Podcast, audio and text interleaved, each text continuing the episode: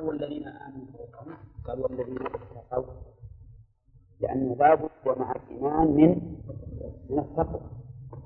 ولهذا يرتب الله سبحانه وتعالى الثواب على الإيمان والعمل الصالح الذي هو التقوى. ومجرد العقيدة لا تنجي الإنسان من عذاب النار حتى يكون معها عمل صالح. ولهذا الصحيح أن من ترك الصلاة فهو كافر كفرا مخرجا عن الملة. فهذا لا بد من لا بد من العمل الصالح. بل لا يمكن أن تكون العقيدة صحيحة إلا بعمل صالح. هنا يقول والذين اتقوا فوقهم فوقهم يوم القيامة. ولم يقل أحسن حالا منهم قال فوقهم. تدل على العلو الفارق العظيم بينهم. فوقهم في المكان. وفوقهم في النعيم. فوقهم في المكان لأن هؤلاء في الجنة في آل عليين وهؤلاء في سجين في أسفل السافلين. وفوقهم من حيث النعيم. فإن هؤلاء أعد الله لهم من النعيم ما لا عين رأت ولا أذن سمعت. ولا خطر على قلب بشر وأولئك أعد لهم من الإهانة ما لا يتصوره الإنسان. لو لم يكن من إهانتهم إلا قول الله تعالى لهم اخسأوا فيها ولا تكلموا. بعد ما يدعون يتضرعون الله بالدعاء. ربنا أخرجنا منها فإن عدنا فإنا ظالمون. يتضرعون إلى الله عز وجل بالدعاء. وكان الجواب جواب الرب الرحيم الغفور.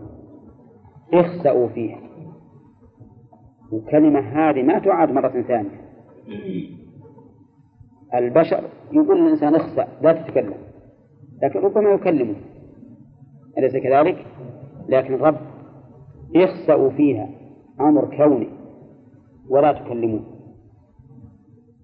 ما يبقى لهم أمل ولا رجع يتوسطون بالشفعاء. يا مالك ليقضي علينا ربك. ينفع؟ الجواب قال إنكم ماكثون لقد جئناكم بالحق ولكن أكثركم الكافرون إذا صدق قول الله عز وجل أو تبين وجه قول الله عز وجل والذين اتقوا فوقهم يوم القيامة رتبة ومكانا. وكما تعلمون أن الجنات درجات. نسأل الله أن يهب لنا ولكم أعلاها. هذه الجنات أعلاها الفردوس الذي فوقه عرش الرحمن. ما فوقه شيء من فضله. وهذه دركات. إن المنافقين في الدرك الأسفل من النار. وقوله يوم القيامة المراد بالقيامة آه، هي يوم الحساب وسمي بيوم القيامة لثلاثة أمور. ذكرناها فيما سبق. ولعل عندكم منها علما. نعم. قيام الناس من قبورهم نعم. وقيام الأشهاد نعم. قيام العدل. نعم. إي نعم. لأن الناس يقومون من قبورهم لرب العالمين. حفاة عراة غرلا ويقفون ذلك الموقف العظيم الذي قال الله تعالى فيه يوما يجعل الولدان شيبا السماء منفطر به ثانيا يقام العدل حتى إنه يختص للشاة؟ قرن قرن عاف الجلح من الشاة القرن ويقام إيش؟ الأشهاد كما قال الله تعالى ويوم يقوم الأشهاد الأشهاد منين؟ ها؟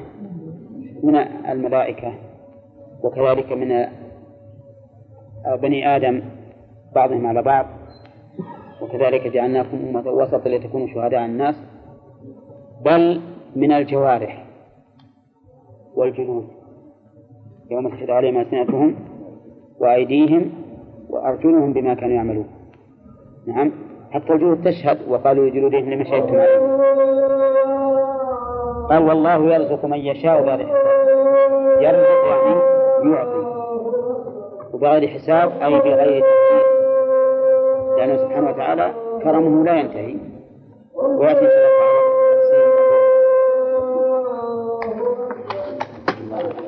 تعالى تزيين سابق والسخرية مستمرة. دائمة نعم. على القول بأن الواو للحال تحتاج إلى تقدير. ومن يشاء بغير حساب. الله مبتدأ وجملة يرزق خبره والرزق بمعنى العطاء. ورزق الله تعالى ينقسم إلى قسمين عام وخاص. فالعام ما يقوم به البدن ويصلح. ما يقوم به البدن ويصلح. مثل الأكل الشرب اللباس المسكن المركوب وما أشبهه. هذا عام. وهو وهو شامل للمؤمنين والكافرين. والإنس والجن والإنسان والبهائم. عرفتم؟ وشامل أيضا للرزق الحلال والرزق الحرام. فالذي لا يتغذى إلا بحرام كالربا والسرقة والنهب. وقال هذا من رزق الله. هذا من رزق الله لكنه حرام. ولهذا قال السفاري في العقيدة والرزق ما ينفع من حلال وضده. فحل عن المحال أو ما مرت هذا. مرت نعم. طيب إذا نقول الرزق العام ما يقوم به البدن ويصلح وهو شامل للمؤمن والكافر والبر والفاجر والإنسان والبهائم والنافع والضار والحرام والحلال. كذا؟ طيب. الثاني ما ما تقوم ما يقوم به الدين. ما يقوم به الدين. وهو ما فيه صلاح القلوب. وهذا خاص بالمؤمنين. خاص بالمؤمنين. مثل العلم النافع والعمل الصالح والإنابة إلى الله والتوكل عليه وما أشبه ذلك. هذا رزق خاص يرزقه الله من؟ المؤمنين. وقوله يرزق من يشاء. من هذه عامة؟ معلقة بالمشيئة. وقد مر علينا كثيرا أن كل شيء علقه الله تعالى بالمشيئة فهو تابع للحكمة. ليست مشيئة الله مشيئة مجردة بل هي مشيئة مقرونة بالحكمة. فكل ما مر عليك شيء معلق بالمشيئة أو معلق بالإرادة فاعلم أنه مقرون بالحكمة. يعني فمن اقتضت حكمة الله عز وجل أن يرزقه رزقه ومن لا فلا وقوله بغير حساب أي بغير تقدير أو بغير محاسبة يعني بغير منة أيهما؟ ها؟ بغير حساب بلا تقدير واضح فإن رزق الله لا نهاية له لا سيما الرزق في الآخرة رزق الجنة فإنه ما له من نفاد كما قال الله عز وجل. وهل نقول بغير حساب بغير منة؟ قد نقول ذلك أيضا إنه ما يحاسب يعني ما ما ما يطالب بالعوض. لأنه لو طالب بالعوض ها لكنا هالكين هالكين. لو أن الإنسان حاسبه الله على نعمة واحدة من نعمه ها وش يسوي؟ أعتقد لو توجع الإنسان من عيناه ليلة من الليالي وقال له إما أن تفقد البصر ولا تعطينا كل اللي عندك من المال وش يقول؟ ها؟ يعطيهم كل اللي عنده كل اللي عنده من المال وانبغى زوجته ولا لا؟ طيب إذا هذه نعمة واحدة ما بالك بما هو أعظم منها؟ نعمة النفس اللي ضروري للحياة. تحصى؟ ما تحصى. ومع ذلك بدون تعب. الإنسان يتكلم ويصعد نفسه وينزل ويتكلم ويأكل. نعم. ثم لو ضيق عليه نفسه بمرة واحدة يقول والله ما إحنا فاتحين النفس إلا كان تبي تعطينا مالك كل شو يقول؟ ها؟ يقول خذوا إذا يرزق بغير حساب أي بغير محاسبة أي ما يطلب يعني معاوضة وإن كان واجب وإن كان واجبا علينا أن نشكر الله على هذه النعم لكن عز وجل نعمه أكثر لو أنه حاسبنا على ما أنعم به علينا لكنا ضائعين. والله يرزق من يشاء بغير حساب. طيب تقول ناخذ الفوائد ولا نمشي؟ ها؟ طيب. بسم الله الرحمن الرحيم. الفوائد منين؟ يا أيها يا أيها الذين آمنوا ادخلوا في السلم كافة. ليش ليش نمسك هذا ما هديكم. كل هذا رايحين عنه طيب بسم الله الرحمن الرحيم. قال الله عز وجل ومن الناس من يشري نفسه ابتغاء مرضات الله من فوائد الآية الكريمة تقسيم الناس إلى قسمين. القسم الأول سبق ومن الناس من يعجبك قوله. والقسم الثاني هذا. ومن الناس من يشري نفسه. ومن فوائدها بلاغة هذا القرآن حيث يجعل الأمور يجعلها مثاني. إذا جاء الكلام عن شيء جاء الكلام عن ضده. ومن فوائد الآية الكريمة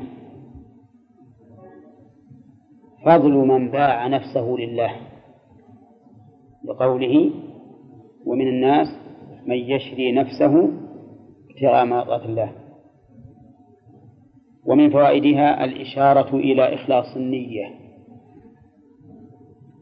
من أين تؤخذ؟ ابتغاء مرضات الله. ومن فوائدها إثبات الرضا لله. لقوله مرضاة والرضا كما تقدم لنا صفة حقيقية لله عز وجل متعلقة بمشيئته وينكرها الأشاعرة وأشباههم من أهل التعطيل. يحرفون المعنى إلى أن المراد برضا الله إما إثابته أو إرادة الثواب. نعم. ومن فوائد الآية الكريمة وجوب تقديم مرضاة الله على النفس وجوبه ولا جوازه؟ ها؟ من أين نأخذ الوجوب؟ ها؟ تمام اللي يؤخذ منها الجواز الظاهر ها؟ لا ما نبي نبي الآية من الآية. يؤخذ منها ما هو جواز فقط أيضا؟ استحباب تقديم مرضاة الله على النفس. لأن الله تعالى ذكر ذلك في في مقام إيش؟ المدح والثناء. نعم. ومن فوائد الآية الكريمة إثبات الرأفة لله. لقوله والله رؤوف بالعباد. والرأفة هي أرق الرحمة.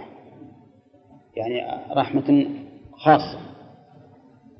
ومن فوائد الآية الكريمة إثبات عموم رأفة الله عز وجل بقوله بالعباد. هذا إذا كان العباد بالمعنى العام. أما إذا قلناه بالمعنى الخاص فلا فلا يستفاد منها ذلك. ثم قال تعالى يا أيها الذين آمنوا ادخلوا في السلم كافة إلى آخره. يستفاد من هذه الآية الكريمة فضل الإيمان لقوله يا أيها الذين آمنوا. لأن هذا نداء تشريف وتكريم. ومن فوائده من فوائدها أن الإيمان مقتض لامتثال الأمر. لأن الله صدره صدر الأمر بهذا النداء يا أيها الذين آمنوا. نعم. والحكم لا يقرن بوصف إلا إذا كان لهذا الوصف أثر فيه. وهذه فائدة مهمة. لا يقرن الحكم بوصف إلا إذا كان لهذا الوصف أثر فيه. ولا شك أن الإيمان يقتضي امتثال أمر الله عز وجل. نعم. ومن فوائد الآية الكريمة وجوب تطبيق الشرع جملة وتفصيلا بقوله ادخلوا في السلم كافة. نعم. طيب ومن فوائدها أن الإنسان يؤمر بالشيء الذي هو متلبس به باعتبار استمراره عليه. الإنسان يؤمر بالشيء الذي هو متلبس به باعتبار استمراره عليه. كيف هذا؟ يا أيها الذين آمنوا ادخلوا في السلم. قلنا إنه كيف ينادي المؤمنين وهم داخلين؟ وهم مؤمنين. قلنا المراد الاستمرار عليه وعدم الإخلال بشيء منه. نعم. مثل قوله يا أيها الذين آمنوا آمنوا بالله ورسوله والكتاب الذي نزل على رسوله يعني استمروا على ذلك. ولا في الأصل أن الإنسان لا يؤمر بالشيء وهو متلبس به. فلو وجدت رجلا قائما قلت قم وش بيقول؟ يقول هذا قاعد نعم. فإذا يكون هنا توجيه الأمر بالشيء إلى من هو متلبس به باعتبار إيش؟ باعتبار استمراره عليه وعدم الإخلال بشيء منه. ولهذا قال كافة. ومن فوائد الآية الكريمة تحريم اتباع الشيطان وخطواته لقوله ولا تتبعوا خطوات الشيطان. هل يؤخذ من الآية الكريمة تحريم التشبه بالكفار؟ ها؟ لا تستعجلوا أنتم تأملوا هل يؤخذ من الآية تحريم التشبه بالكفار؟ ها؟ الجواب نعم يؤخذ منه لأن أعمال الكفار من خطوات الشيطان ولا لا؟ لأن الشيطان يأمر بالفحشاء والمنكر ولا أنكر من الكفر والعياذ بالله. فعلى هذا يؤخذ من الآية الكريمة تحريم التشبه بالكفار لأن ذلك من اتباع خطوات الشيطان. طيب هل يشمل ذلك ما لو هنأهم بعيدهم؟ يهنيهم بعيدهم. إذا قال قائل إذا قال واحد كما يهنئوننا بعيدنا نهنيهم بعيدهم. جزاء وفاقا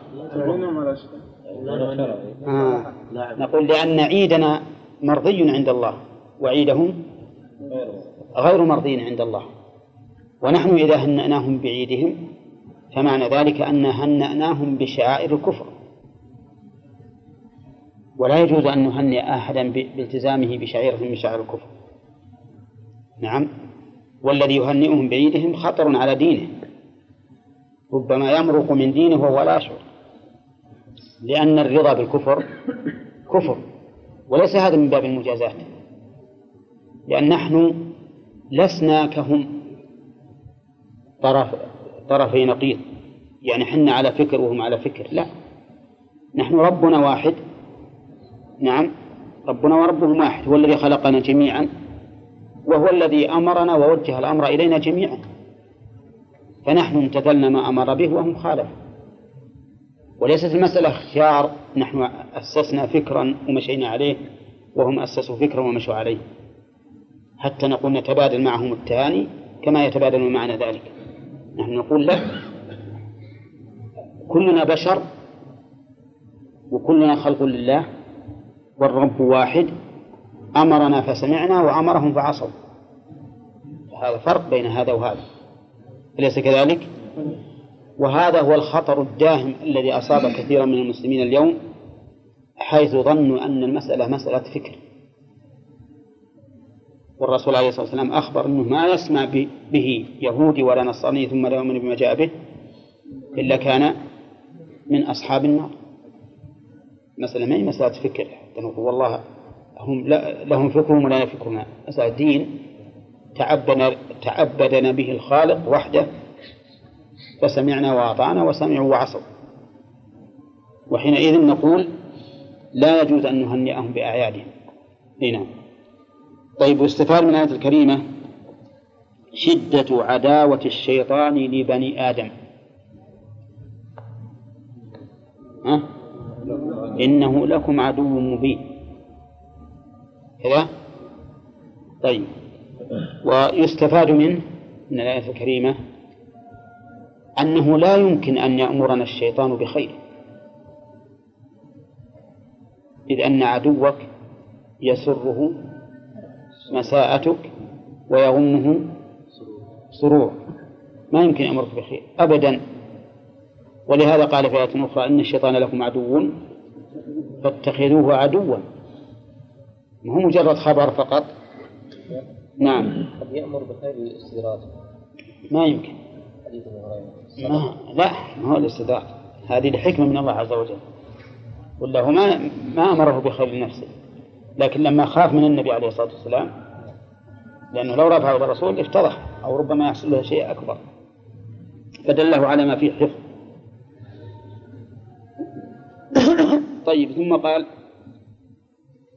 فإن زللتم طيب ويستفاد من الآية الكريمة أيضا.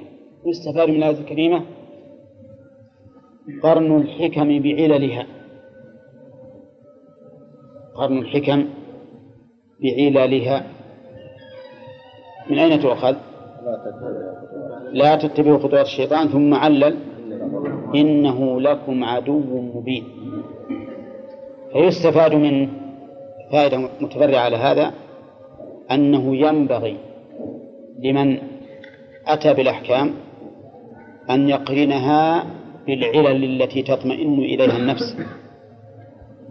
إن كانت ذات دليل من الشرع قرنها بدليل من الشرع. وإن كانت ذات دليل من العقل والقياس قرنها بدليل من العقل والقياس. الله أكبر الله اعلموا أن الله عزيز حكيم. يستفاد من هذه الآية الكريمة الوعيد على من زل بعد قيام الحجة عليه. لقوله فإن زللتم من بعد ما جاءتكم البينات من بعد ما جاءتكم البينات.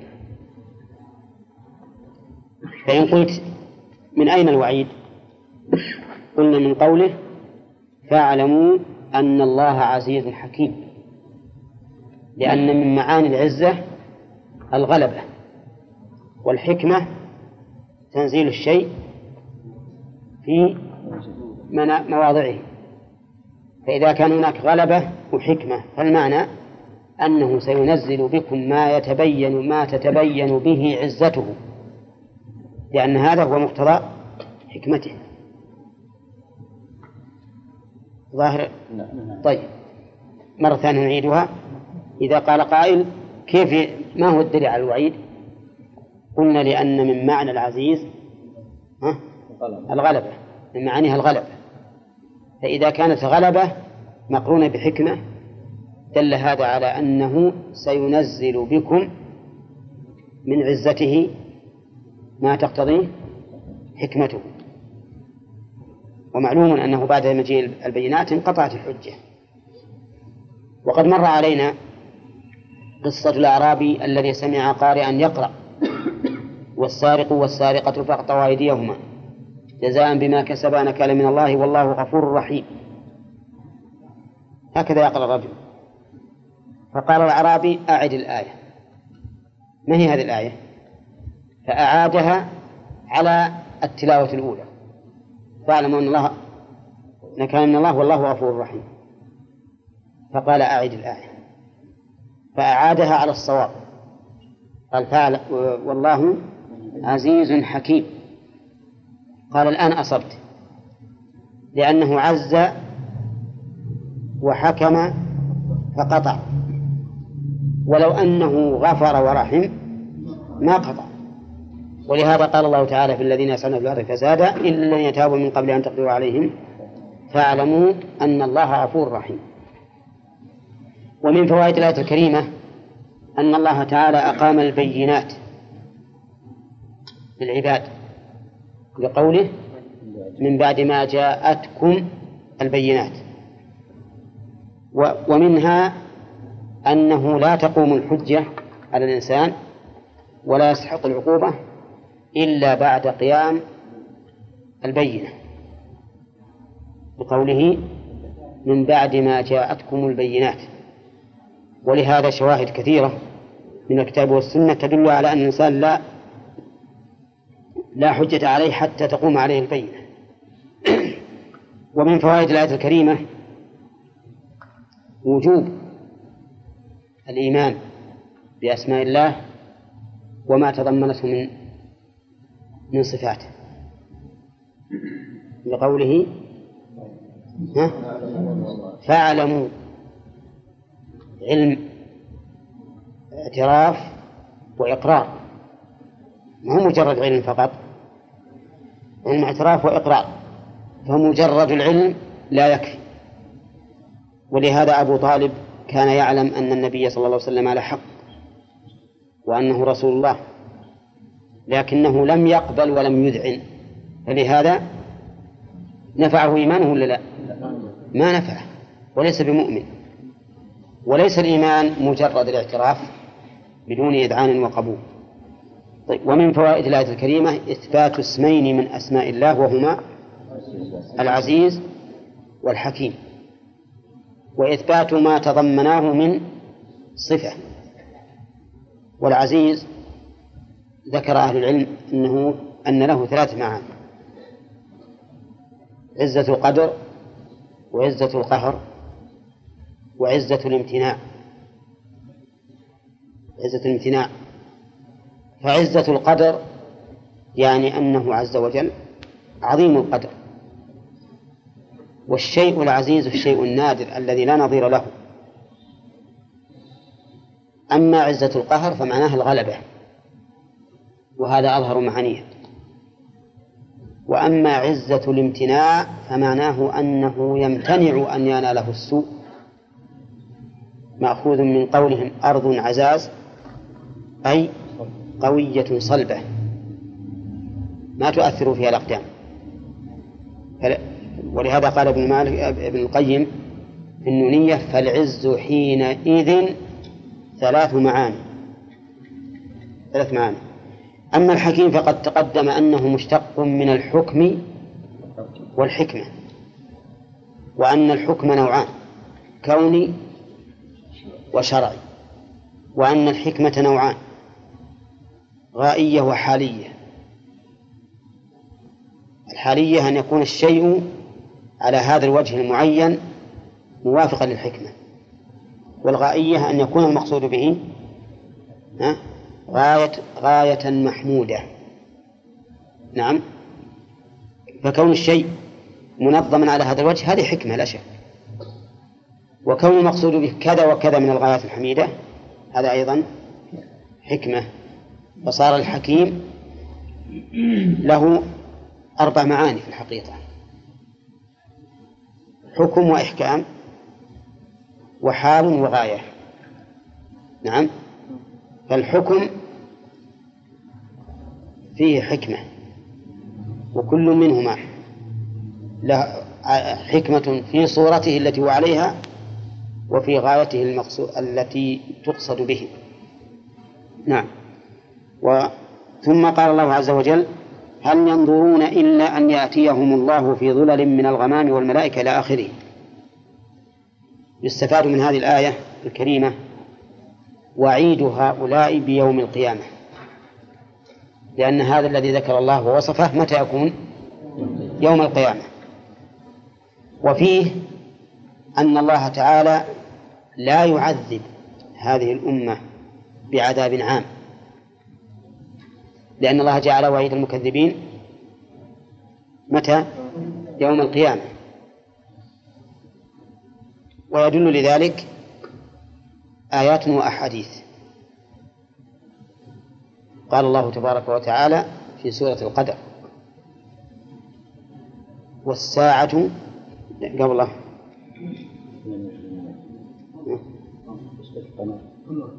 سورة القمر نعم. في سورة القمر بل الساعة موعدهم. بل الساعة موعدهم. والساعة أدهى وأمر. ويستفاد من الآية أيضا إثبات إتيان الله عز وجل. إثبات إتيانه عز وجل. لقوله إلا أن يأتيهم الله. والمراد إتيانه نفسه نفسه أو أمره. إتيانه نفسه. لأن الشيء إذا أضيف إلى الله فالمراد نفسه. خلق السماوات أي هو نفسه الذي خلق. استوى على العرش أي هو نفسه. يكيدون وأكيد أي نفسه. كل شيء يضاف إلى الله فالمراد نفسه. إلا أن يقوم دليل على أنه لا يراد به نفسه فيتبع الدليل. ففي الحديث جعت فلم تطعمني هذا بين الله عز وجل أن المراد أن عبدا من عباد الله استطعمه فلم يطعمه. إذن المراد إتيان الله نفسه.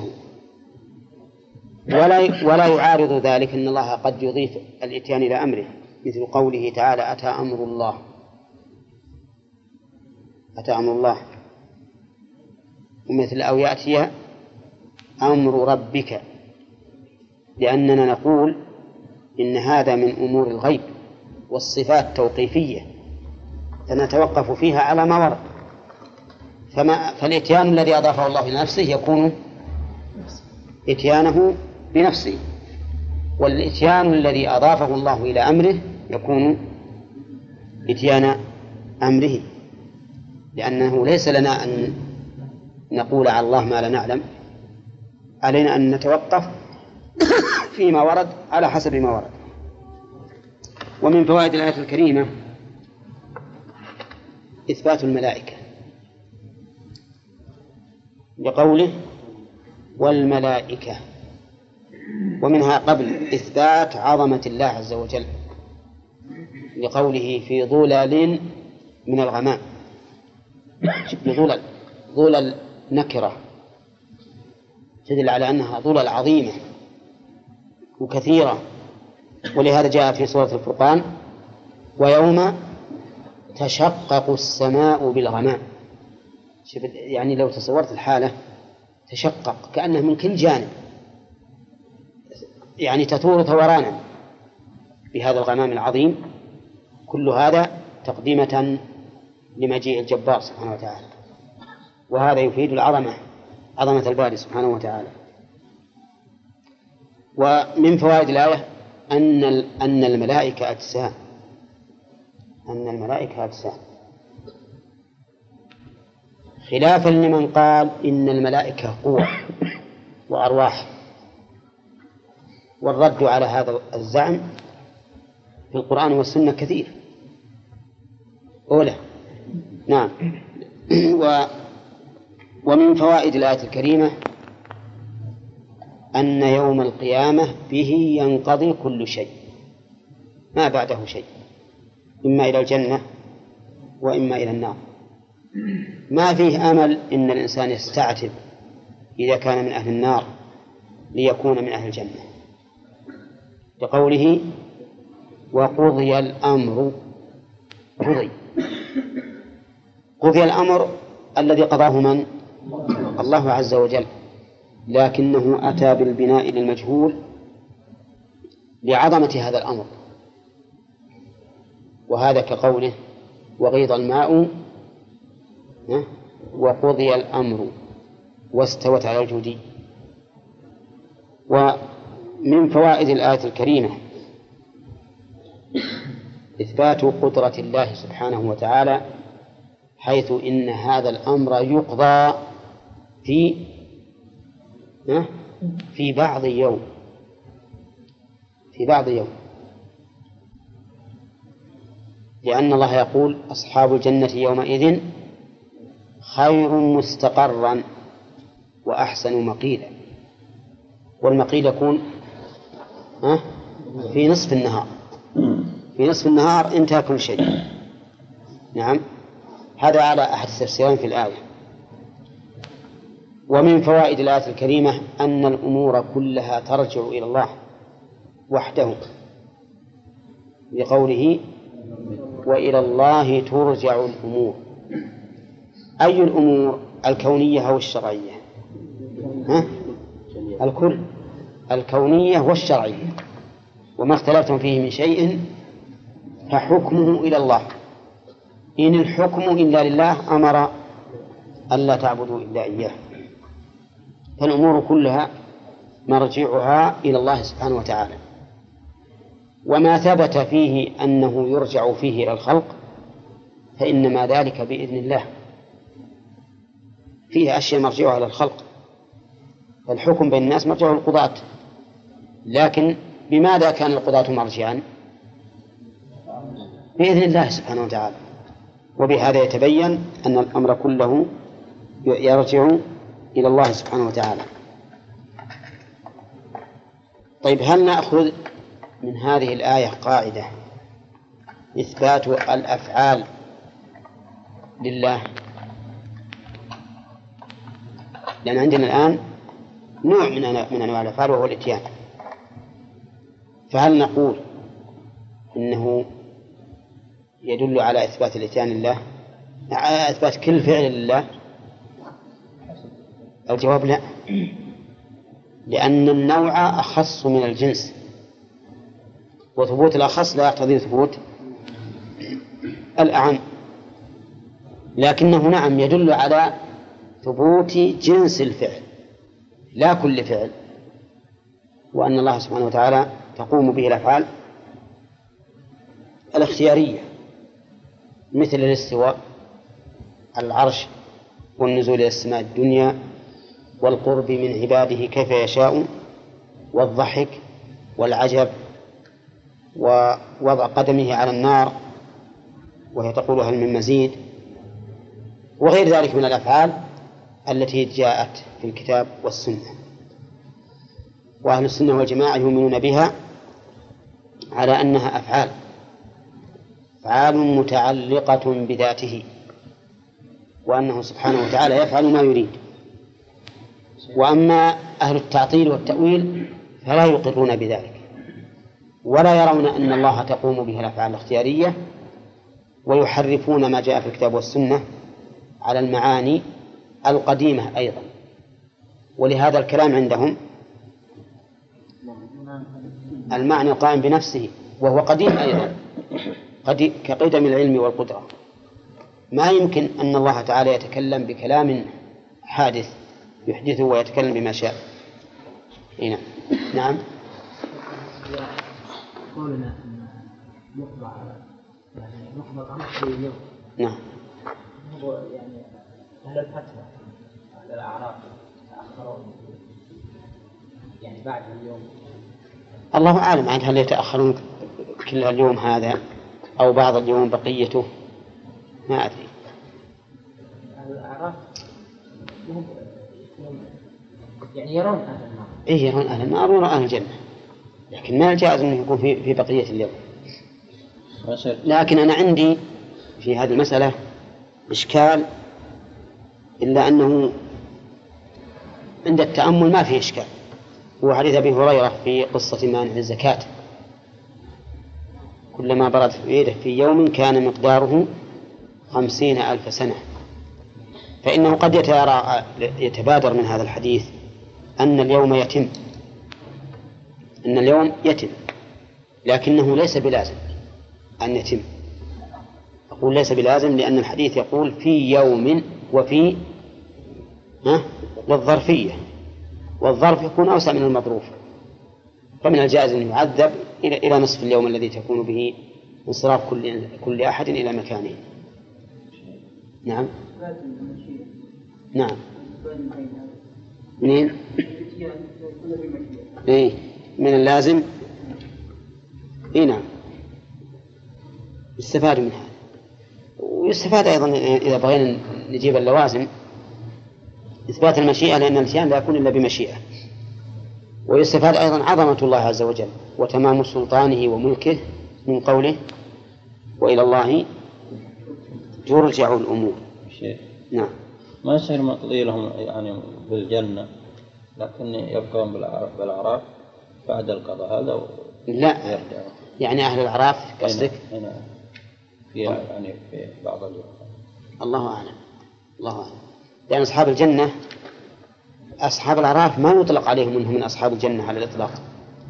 ولهذا في سورة الأعراف ذكر الله ثلاث أصناف أصحاب النار وأصحاب الجنة وأصحاب الأعراف.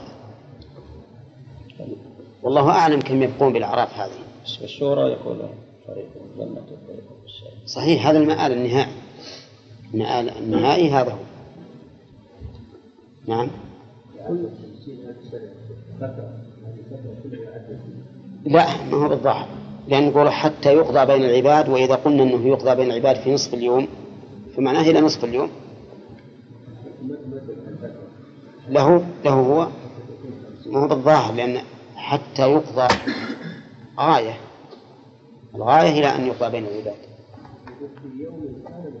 إيه اليوم كان مقداره خمسين ألف سنة.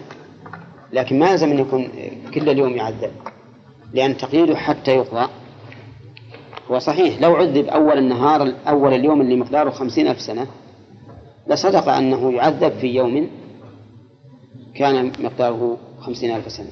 فهو قد عذب في هذا اليوم إلى أن يقضى بين العباد. أقول ال- الحديث في يوم كان مقداره خمسين ألف سنة هذا اليوم اللي مقداره خمسين ألف سنة يقضى بين العباد في نصفه والحديث يقول حتى يقضى. فمعنى ذلك أن عذابه يمتد إلى أن يقضى بين العباد وهو نصف اليوم. وكلمة في يوم ما ما يمنع أن يكون في أوله فقط. لو قلت لشخص زرتك في يوم الخميس هل يلزم أن تمتد الزيارة من أول اليوم إلى آخره؟ ما يلزم يمكن زرتك في أول في أول يوم إلى نصف النهار أو إلى ثلث النهار. هنا فهو يعذب في يوم كان مقداره خمسين ألف سنة إلى أن يقضى. تعذيبه إلى أن يقضى بين العباد. فإذا كان يقضى بين العباد في النصف انتهى تعذيبه بالنصف معناها عظمة هذا اليوم. وليس معناه امتداده خمسين ألف سنة. بيان عظمة هذا اليوم ولازم من هذا امتداده ما يكون فيه يكون في خمسين ألف سنة. هو لولا كلمة حتى يقضى بين العباد. لكان ظاهر الحديث أن أن تعذيبه من أوله إلى آخره. لكن لما قيدت حتى يقضى بين العباد وقلنا إنه يقضى بين العباد في نصف اليوم بناء على قول أصحاب الجنة يوم خير مستقرا وأحسن مقيلا نعم تبين أن عذابه إلى نصف اليوم. وما أطوله؟ 25 ألف سنة. نعم. ما وجه الدلالة من هذه الآية أن الله سبحانه وتعالى يتم الحساب في بعض يومه نعم. قلت في مثال الآية إثبات قوة الله سبحانه وتعالى حيث أن هذا الأمر يطلق في بعض يومه لا ما هو ما هو من هذا استفاد من آية الفرقان شيخ نعم. اليوم. المقصود هذه الآية المقصود اليوم عند الله سبحانه وتعالى. أي يوم القيامة. يوم القيامة. يوم القيامة. داره خمسين ألف سنة. إنا نعرف نعم. يعني فترة زمنية بما نعد أيامنا نحن أي هو الظاهر خمسين ألف. خمسين ألف سنة. الله. قال هل ومن ثم قال تعالى سل بني إسرائيل كم آتيناهم من آية بينة إلى آخره. يستفاد من هذه الآية بيان كثرة نعم الله على بني إسرائيل. وقوله كم آتيناهم من آية بينة. ومن فوائدها تقريع بني إسرائيل الذين كفروا بنعمة الله. وتوبيخهم. لأن مراد بالسؤال هنا سؤال استعلام ولا سؤال توبيخ؟ سؤال توبيخ. ومن فوائد الآية الكريمة التحذير من تبديل نعمة الله عز وجل. بقوله ومن يبدل نعمة الله من بعد ما جاءت. ومنها إثبات شدة العقاب من الله بقوله فإن الله شديد العقاب. والعقاب في موضعه محمود. نعم. نعم. محمود. بل مأمور به. فاجلدوا كل واحد منهما مئة جلدة. ولا تقبلوا نعم. ولا تأخذكم بهما رأفة في دين الله. اجلدوا. الرجم عقوبة. نعم. عقوبة إيش؟ يسمونها المتأخرين إعدام. وهذا غلط. عقوبة قتل. وفرق بين القتل والإعدام. إذا قتلنا واحد هل نحن أعدمناه؟ لا. لا. جسمه باقي. لكن بما لم بما لا يسمى به. لأن باب الإخبار أوسع من باب التسمية. فمثلا يجوز لنا أن نخبر بأن الله متكلم. ها؟ يجوز؟ نسميه؟ ما نسميه. يجوز نقول إن الله مريد ولا لا؟ نخبر أنه مريد. ولا؟ ولا نسميه. ولهذا قال نبئ عبادي أني أنا الغفور الرحيم. بعده؟ وأن عذابي هو العذاب الأليم. فشدة العقاب شديد العقاب. الحقيقة أن هذه صفة مشبهة مضافة إلى الفاعل. العقاب هو هو الله شديد العقاب. الشدة في في عقابه. الشدة في عقابه. لكن الغفور الرحيم من أسمائه. كما في آية نبئ عبادي أني أنا الغفور الرحيم وأن عذابي هو العذاب العليم نعم. الآن فيه ضابط إطلاق الأسماء والصفات على الله عز وجل. نعم. طيب ما هو الضابط؟ للإخبار عن الله عز وجل. نعم. الضابط للإخبار عن الله أنك تخبر عن الله بكل ما كل صفة اتصف الله بها. كل صفة اتصف الله بها تخبر بها عنه لكن إن كانت مطلقة فمطلقة وإن كانت مقيدة فمقيدة.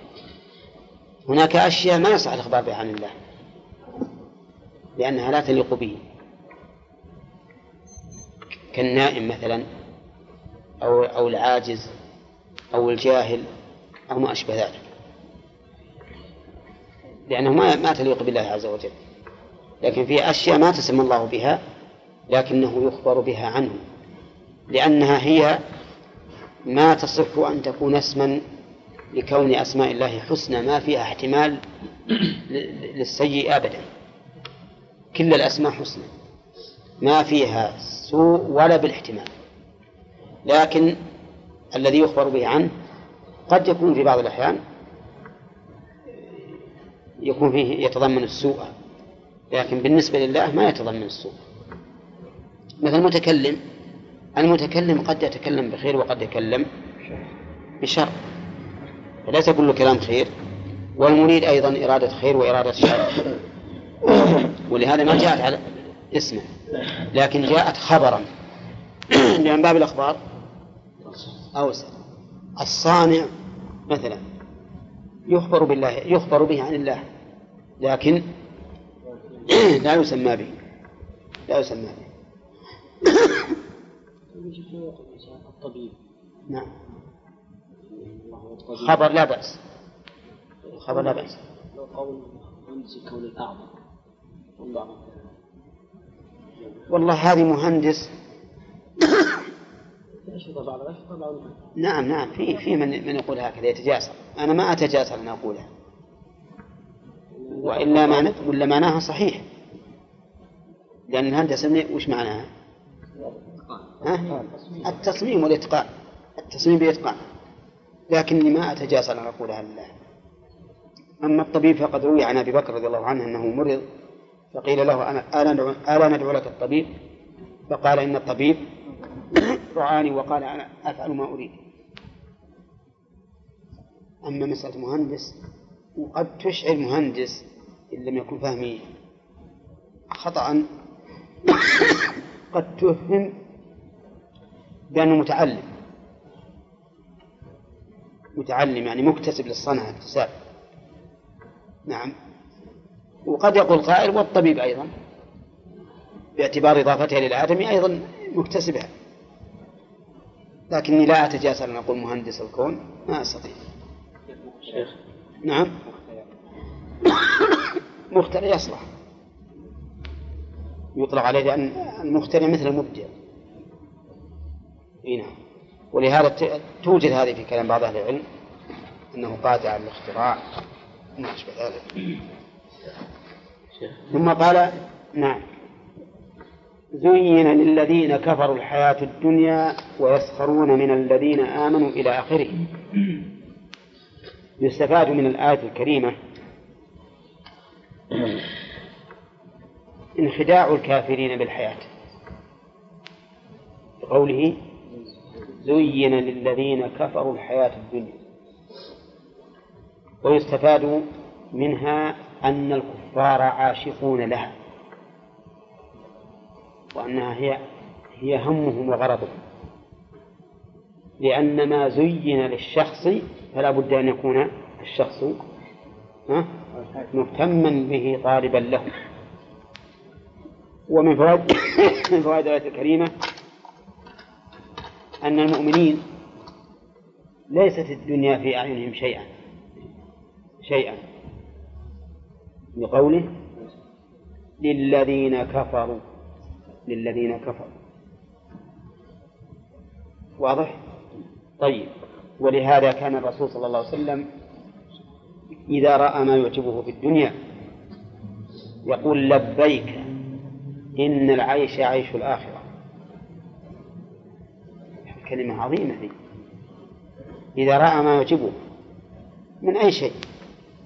يقول لبيك إن العيش عيش الآخرة. لماذا؟ لأن النفس إذا رأت ما يعجبها بطبيعتها تطلب هذا الشيء.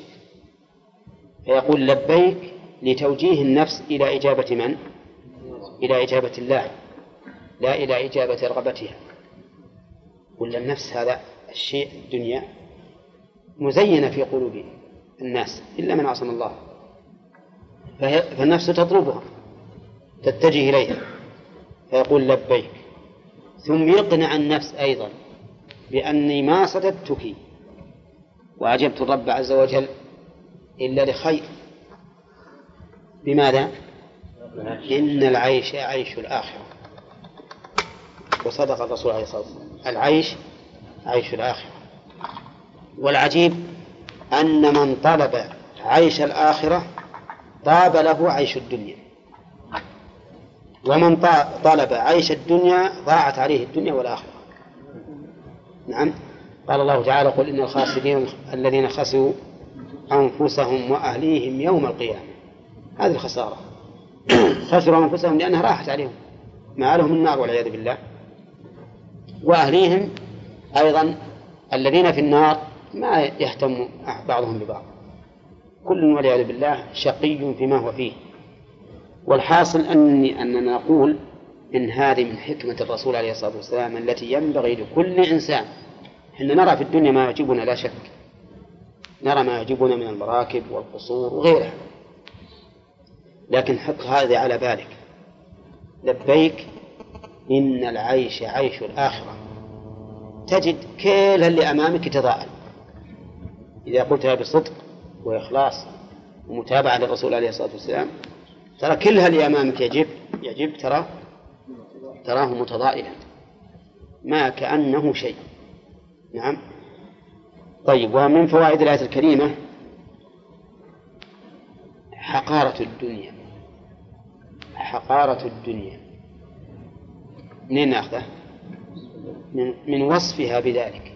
الدنيا الحياة الدنيا. وقد سبق لنا أنها من الدنو زمنا ورتبة. زمنا لأنها قبل الآخرة. أولى. ورتبة لأنها قليلة بالنسبة للآخرة. نعم. ومن فوائد الآية الكريمة أن الكفار لا يزالون يسلطون أنفسهم على المؤمنين لقوله ويسخرون. لكن أنا أقول لا يزالون يسلطون. منين أخذت لا يزالون؟ من قوله ويسخرون بالفعل المضارع. شف زين ويسخرون. ما قال وسخروا. يسخرون. لأن المضارع يدل على الاستمرار والحال والاستقبال. فهم دائما في سخرية من الذين آمنوا. نعم. يقول هذولا؟ خلاصين سيارة دردع وبيت من الطين وما أشبه ذلك. شوف يسخر لكن العبرة بالنهاية ها؟ والذين اتقوا فوقهم. ومتى؟ يوم القيامة. اللي ما فيه ما فيه رجوع إلى الورع أو نزول إلى الأرض. ولهذا قال والذين اتقوا فوقهم يوم القيامة.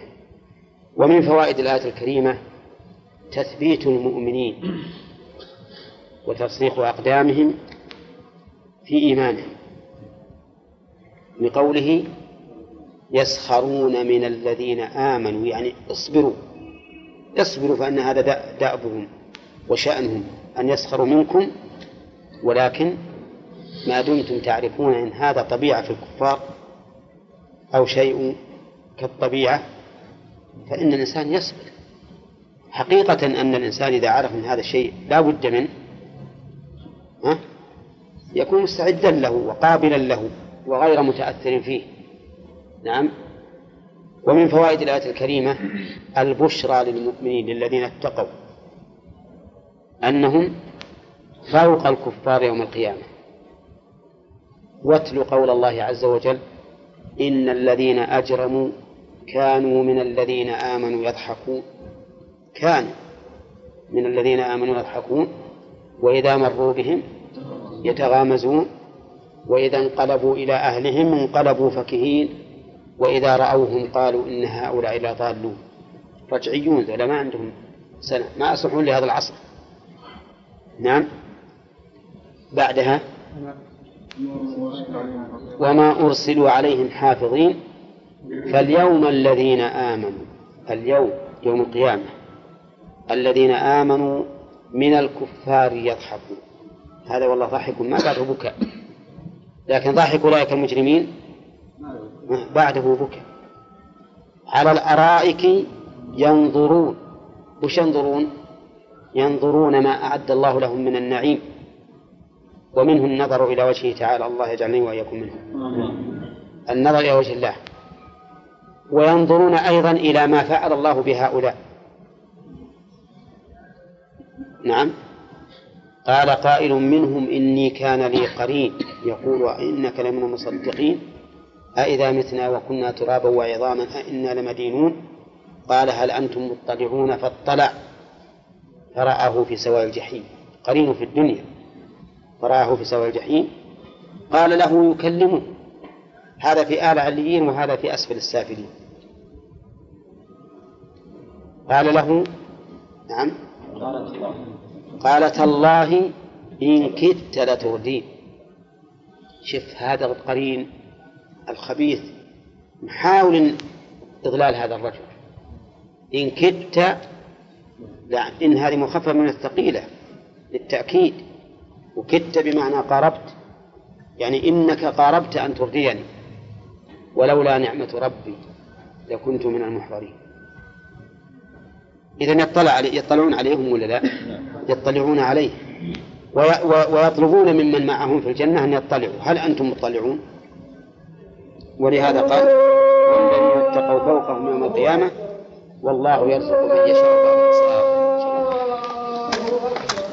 الله أكبر. إنشاء إثبات. أفعال الله سبحانه وتعالى المتعلقة بمشيئته. وقوله والله يرزق من يشاء. وتسمى هذه الأفعال في كتب العقائد تسمى الأفعال الاختيارية يعني متعلقة بمشيئة الله. وهي ثابتة لله عز وجل على وجه الحقيقة. وأمثلتها في القرآن كثيرة.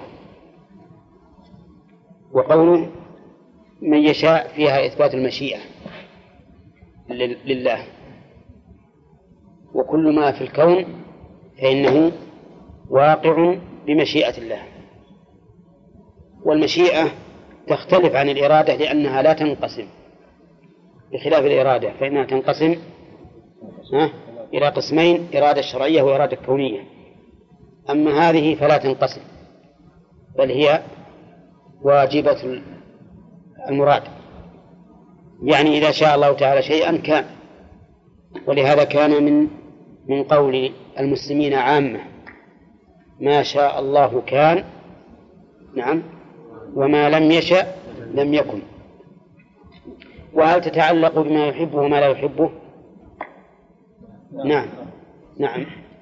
قال الله تعالى من يشاء الله يضلله وهذا لا يحبه ومن يشاء يجعله على صراط مستقيم وهذا يحبه فهي متعلقة بما يحبه وما لا يحبه.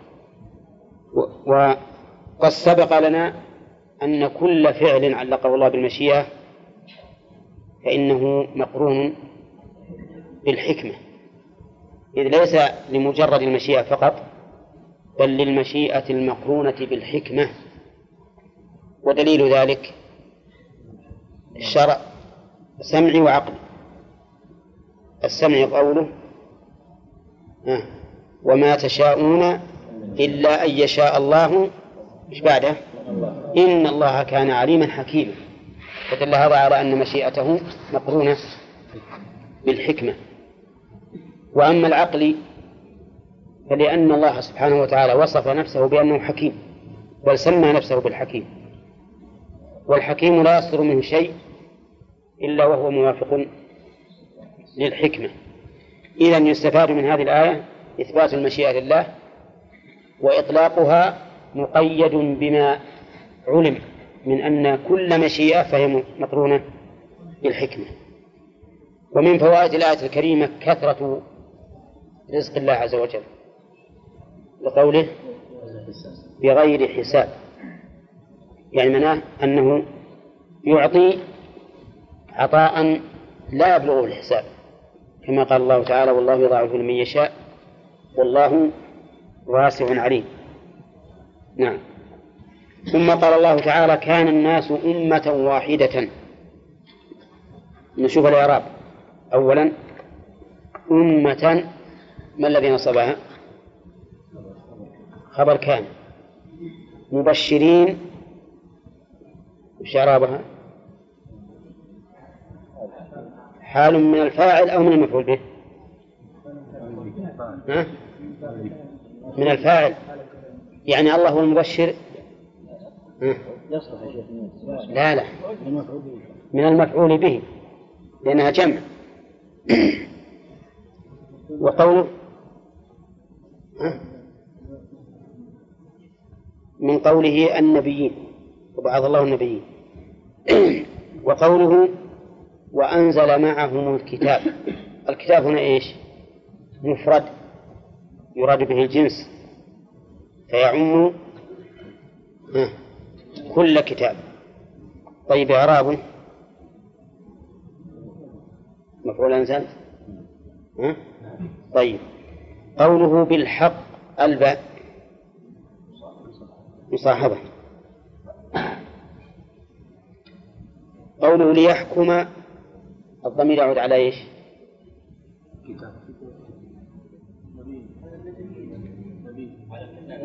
على الكتاب. على النبيين على الله. نعم. طيب نشوف الآن. فبعث الله النبيين مبشرين ومنذرين وأنزل معهم الكتاب وأنزل معهم الكتاب ليحكم أي هو الله.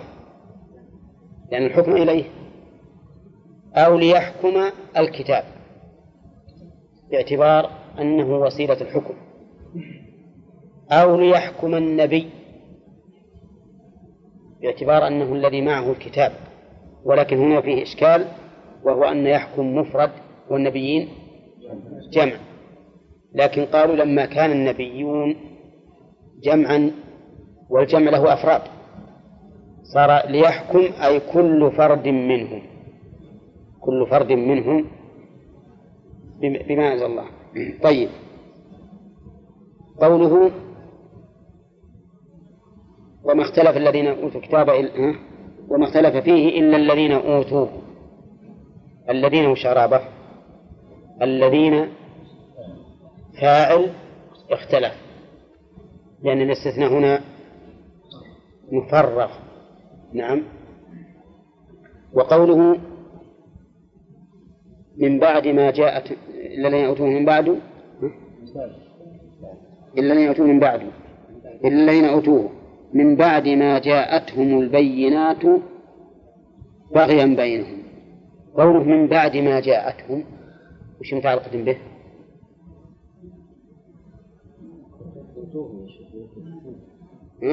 أوتوا لا.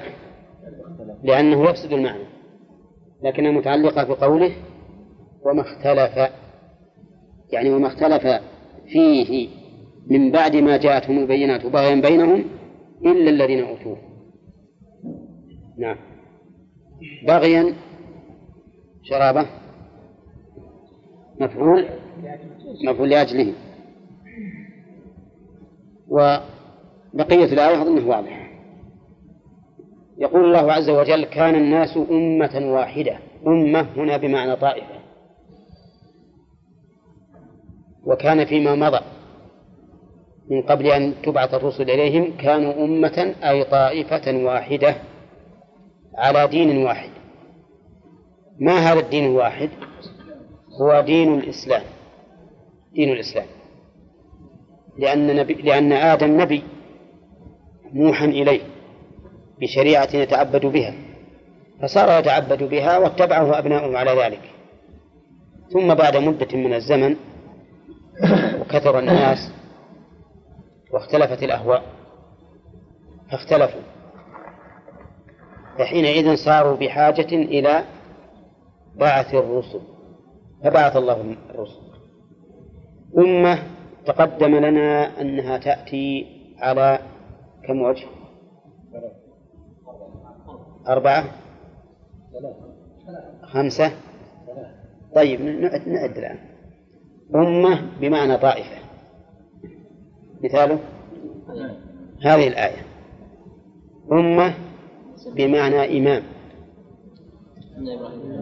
إن إبراهيم كان أمة. طيب. أمة بمعنى زمن. قوله والذكر بعد أمة أي بعد زمن. هذه ثلاثة. الرابع أمة بمعنى طريقة مثل إنا وجدنا آباءنا على أمة وإنا على دار مهتدون. طيب. الخامس. ها؟ متبع السبيل. كيف؟ مثل.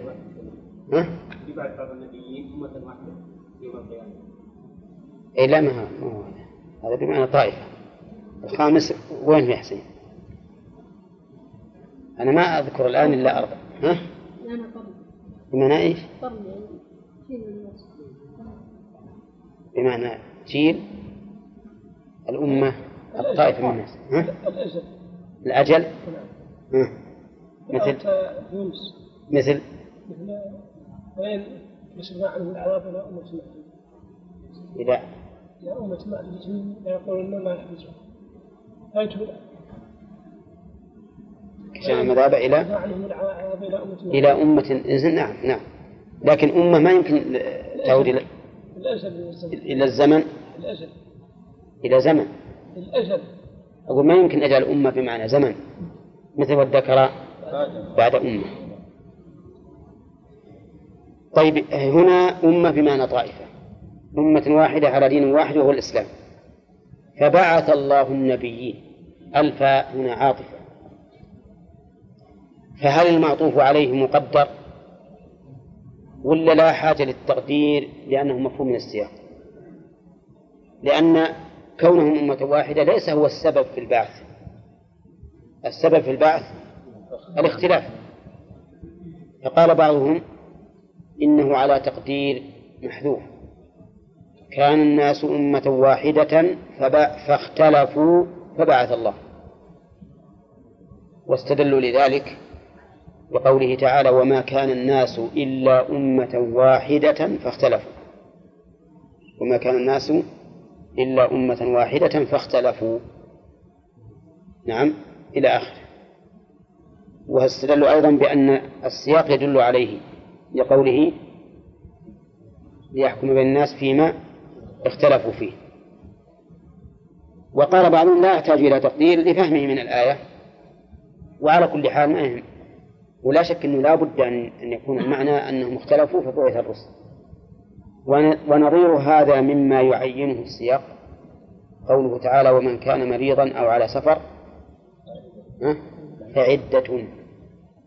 هل المريض أو المسافر عليه العدة ولو صام؟ لا. إذا لابد أن نقدر فأفطر فعليه عدة. قال فبعث الله النبيين بعث بمعنى أرسل. بعث بمعنى أرسل وأصله من الإخراج والإثارة. ولا شك أن الرسل عليهم الصلاة والسلام أن بعثهم إثارة وإخراج فإن الله تعالى أوجدهم من بين هذه الأمم حتى هدى الله بهم من هدى. فبعث الله النبيين وفيها قراءة النبيين بالهمس. وكلاهما أو كلتاهما سبعيتان بعث الله النبيين مبشرين ومنذرين. المراد بالنبيين هنا الرسل. بقوله مبشرين ومنذرين. وقولها النبيين قلت إنها تشمل الرسل فهل هناك فرق بين النبي والرسول؟ الجواب نعم هناك فرق والدليل على الفرق أن آدم نبي وأن أول الرسل نوح. ولو لم يكن فرق لكان أول الرسل من؟ آدم. طيب إذن بينهما فرق فما هو الفرق بين النبي والرسول؟ قيل إن الفرق بينهما أن النبي من أوحي إليه بشرع ولم يؤمر بتبليغه بل تعبد به يتعبد به هو بنفسه ويكون كالمجدد للدين السابق وأما الرسول فهو الذي أوحي إليه بشرع وأمر بتبليغه. وهذا هو رأي الجمهور. وهو فرق جيد جدا. لأن النبي من النبأ وهو الخبر فهو مخبر. والرسول من الإرسال وهو البعث إلى أحد. تقول أرسلت فلانا يعني بعثته ليبلغ عني. أليس كذلك؟ طيب. وقال بعض العلماء إن الفرق أنه إذا كان من أتى بالوحي متمما لرسالة سابقة متمما لرسالة سابقة يعني مجددا لها فهو نبي وإن كان مستقلا برسالة فهو رسول. لكن هذا ينتقد علينا بماذا؟ بآدم. لأن آدم ما هو مجدد. نعم. فرأي الجمهور جيد في هذه المسألة. وقول مبشرين حال. مبشرين ومنذرين. مبشرين بماذا؟ بثواب الله عز وجل. لمن استحقه. ومنذرين من؟ بعقاب الله. من خالف أمر الله. قال الله تبارك وتعالى لينذر بأسا شديدا من لدنه ويبشر المؤمنين الذين يعملون الصالحات أن لهم أجرا حسنا. فهنا بينت الآية المبشر والمبشر به. من المبشر؟ المؤمنين الذين يعملون الصالحات. والمبشر به أن لهم أجرا حسنا ماكثين فيه أبدا. وينذر الذين قالوا اتخذ الله ولدا ما لهم به من علم. كبرت كلمة تخرج من أفواههم إن يقولون إلا كذبا فالمنذر هم الكفار. والمنذر به العذاب. المنذر به العذاب. وقوله مبشرين ومنذرين. هذان الحالان هما حالان مركبان أو منفردان. الجواب مركبان. لأن الرسول يأتي بالبشارة والإنذار في آن واحد. ولا لا؟ يعني ليس ليس أحد الرسل مبشرا والآخر منذر. بل كل واحد جامع بين التبشير والإنذار بين التبشير والإنذار. وفي قوله مبشرين ومنذرين دليل على أن ما سمي الآن من دعوة النصارى إلى دينهم بالتبشير. أن هذه تسمية خاطئة كاذبة ناصبة تصلى نارا حامية. هذه أحق الناس بها من؟ الذين يدعون إلى دين الإسلام. والرسول عليه الصلاة والسلام يقول لمن يبعثهم بشروا وأنذروا بشروا وأنذروا. فيجب علينا معشر المسلمين أن نكون على يقظة من مثل هذه التسميات. ما نأخذها مجردة ونقول الله في هذه هذه البلاد شاع فيها التبشير كثر فيها التبشير المبشرون كثيرون وما أشبه ذلك. هذا لا يجوز. لا يجوز أن نسلب هذا الوصف الحبيب إلى النفوس نسلبه من عندنا وهو لنا ونعطيه إلى إلى أعدائنا. وما نظير ذلك إلا نظير من اغتر بتسمية النصارى بالمسيحيين. المسيحيين معناه أنك الآن أقررت بأنهم يتبعون المسيح. كما إذا قلت فلان تميمي إذا هو من بني تميم. مسيحي على دين المسيح المسيح ابن مريم يتبرأ من هذا الدين. يتبرأ من هذا الدين لأنه كفر.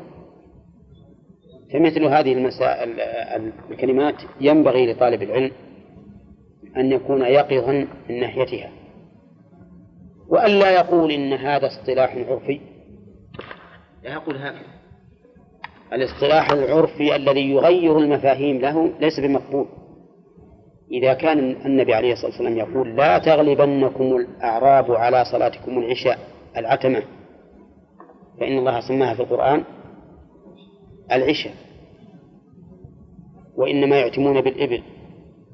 الرسول عليه الصلاة والسلام أمرنا أن لا نغير هذا الاسم مع أنه ما مع أنه لا ليس فيه خطورة كخطورة هذا هذه التسمية للنصارى أنهم مبشرون وأنهم مسيحيون. أعتقد الآن لو أن أحدا قال عن اليهود إنهم موسويون. شو يقولون الناس؟ ها؟ يضجون عليه يقول موسى بريء منهم عليه الصلاة والسلام. فالمسألة هي هي لا فرق. نعم مبشرين ومنذرين. نعم. قول الجمهور عندما فرقوا بين النبي والرسول نعم. البعض يعترض عليهم بأن الدعاة نعم. يبلغون. نعم. وبهذا يكون يعني أكمل من الأنبياء الذين لا يبلغون. لا. لأنهم فقدوا الوحي. فقد الوحي. بس الدعاة يبلغون. إيه؟ الأنبياء على هذا التعريف على هذا الفرق نعم نعم. لا يبلغون. نعم ما يبلغون لأنهم ما أمروا بذلك. فهم مطيعون. أصلا كمال العبادة في امتثال الأمر. حتى لو أمرت بالشرك والقتل وفعلت فأنت عابد. ولهذا كان الملائكة عبادا لله عز وجل بسجودهم, بسجودهم لآدم وهو شرك. وكان إبراهيم عليه الصلاة والسلام خليل للرحمن لأنه أمر بقتل ولده فامتثل نعم. نعم. نعم. لا هذا من باب إطلاق الرسالة على النبي هذا من باب التغليب لأنه قال من رسول كما نقول القمران. والعمران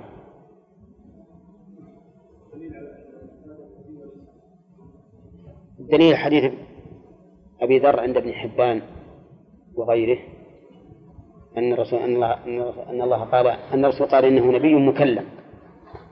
هذا بالنسبة للحديث وهو صريح. وأما في القرآن فواضح. أن الله تعالى كلمه وأمره ونهاه.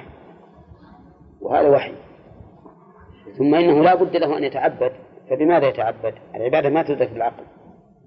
لا بد فيها من وحي. يا شيخ أيضا لو قلنا نصارى بدل المسيحيين يقولون النصارى نعم نحن أنصار عيسى. إيه؟ لا أصلا نصارى نسبة لبلد الناصرة. لأن نصارى ما هو معناه جمع ناصر. لا لكن نسبة إلى هذا. شيخ. بعضهم يزيد تعرف الرسول يقول وأمر بالجهاد عليه بشرع. فهذا زي الصحيح؟ لا. هو عليه لا ما هو صحيح لأن بعض الرسل أمروا بالجهاد وبعضهم ما أمروا بالجهاد.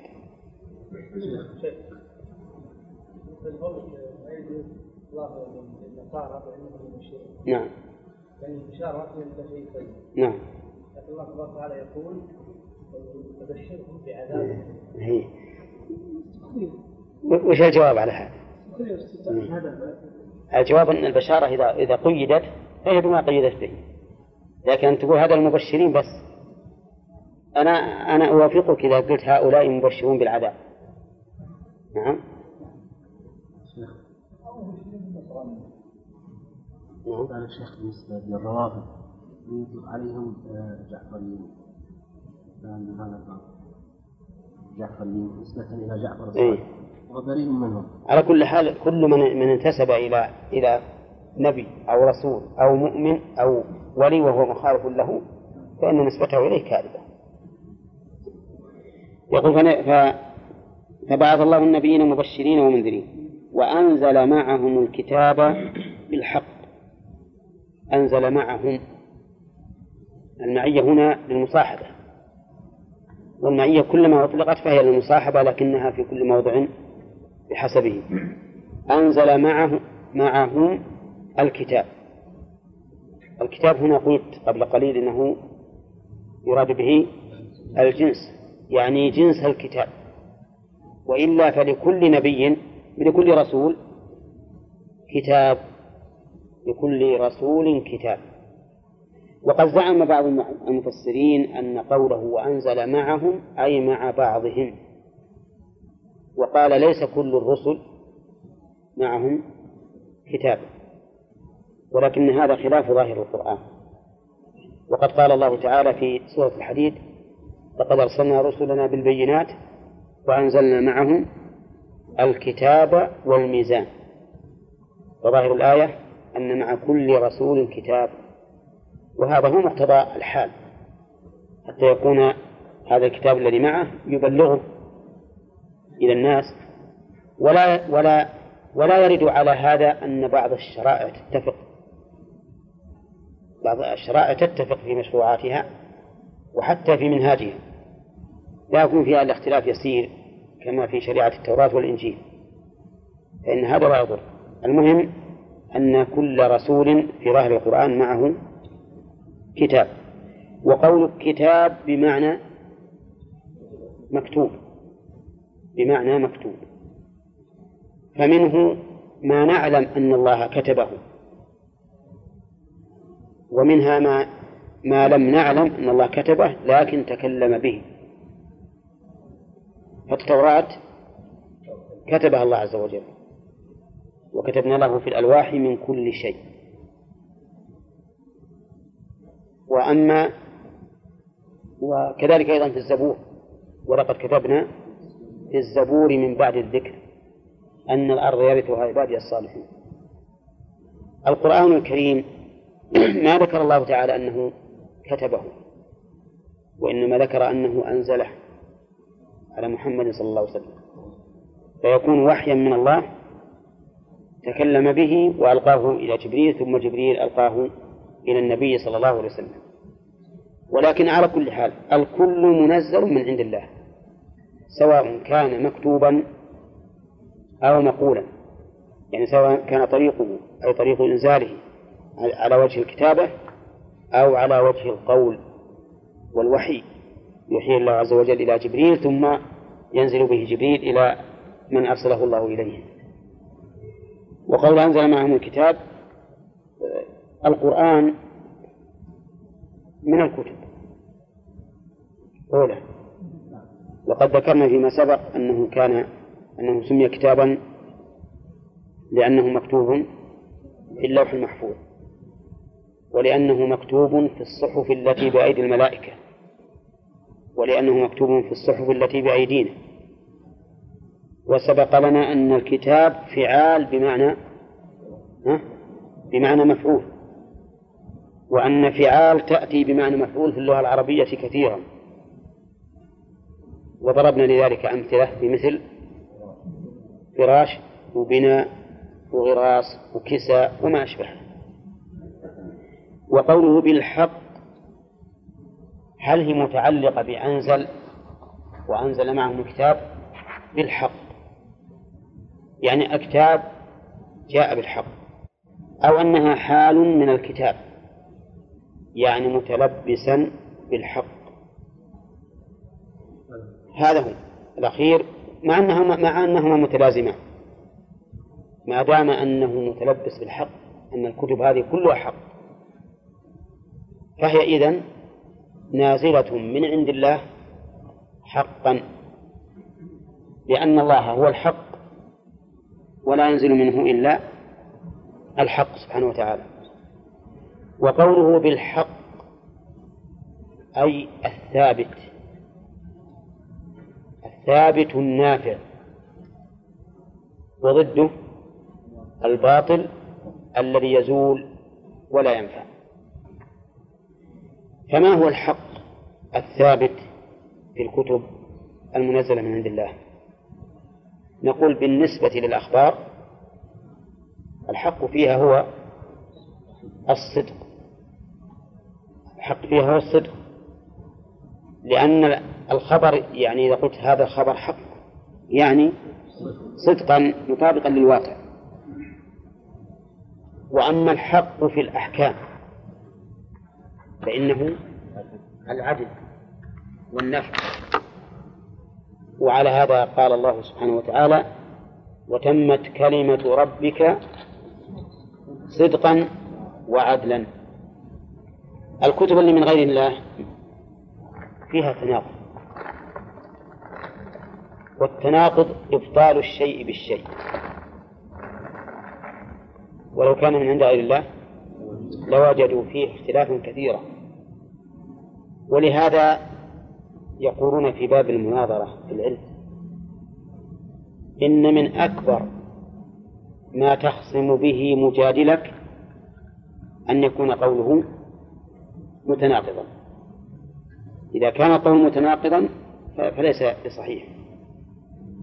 لأن القول الحق لا يمكن يتناقض. لا يمكن يتناقض أبدا بل هو مضطرد. بل أنت أنت بنفسك إذا أردت أن تختار قولا من الأقوال ثم وجدت أن هذا القول الذي تميل إليه يتناقض. انتبه.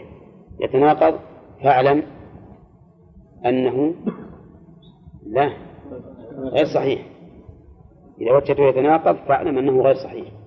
وإن كان في أول الأمر يتراءى لك أنه صحيح لكن إذا عرفت أنه يتناقض فاعلم أنه ليس بحق. يعني الحق لا يمكن أن يتناقض.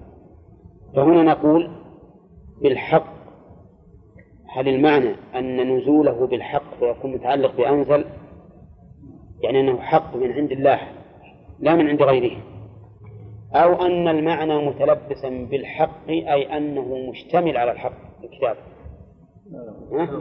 قلنا كلا الأمرين كلا الأمرين حق. أما الأول فواضح. فإن الكلام فإن الكتب التي جاءت بها الرسل من عند الله لا شك فيها. وأما الثاني فكذلك. لأن من تأمل ما جاءت به هذه الكتب وجده صدقا في الأخبار؟ وعدلا في الأحكام. ثم قال عز وجل ليحكم بين الناس فيما اختلفوا فيه. ليحكم ذكرت أن في فيها ثلاثة آراء هل الفاعل الله؟ نعم. أو الفاعل الرسول؟ أو الفاعل الكتاب؟ منهم من قال إن الفاعل هو الله. أي ليحكم الله. قال لأن الضمائر ينبغي أن تكون متسقة على مجرى واحد. فبعث الله وأنزل معه. ليحكم تكون الضمائر كلها تعود على من؟ على الله. فتكون يكون السياق متسقا. ومعلوم أن الله تعالى هو الحاكم. حتى الأنبياء عليهم الصلاة والسلام والرسل لا يحكمون إلا بحكمه. والكتب علامة ودليل على حكم الله عز وجل. وإلا فالأصل أن الحكم إلى من؟ إلى الله سبحانه وتعالى. والذين قالوا ليحكم أي الكتاب قالوا لأنه طريق الحكم. ونحن لا نعلم أن هذا حكم الله إلا بواسطة الكتاب المنزل. فهو حاكم لأنه وحي الله عز وجل. والحقيقة حتى على هذا القول فإن المرجع إلى أي إلى أي شيء؟ إلى الله. المرجع إلى الله. أما قوله يحكم أي النبي فهذا أوردنا عليه إشكالا من جهة أن النبيين جمع وهذا مفرد. ولو كان عائدا إلى النبيين لقال ليحكموا بين الناس ليحكموا. وأجبنا عن ذلك؟ بأن النبيين جمع والجمع دال على أفراد والمعنى ليحكم كل واحد منهم بين الناس. ومنه على رأي قوله تعالى وجعلنا للمتقين إماما. ما قال وجعلنا للمتقين أئمة مع أن تدل على الجمع. قالوا جعلنا اجعل كل واحد منا اجعل كل واحد منا إماما للمتقين. نعم. ليحكم نعم. القول الأول أنها تعود إلى الله. نعم. ليحكم بين الناس. هذا حق معلوم. من الناحية الشرعية الحكم الشرعي ما يعرف إلا بالكتاب الذي أنزله الله. أما الحكم القدري ما ما هو موضوع هذا هذه الآية. قال ليحكم بين الناس فيما اختلفوا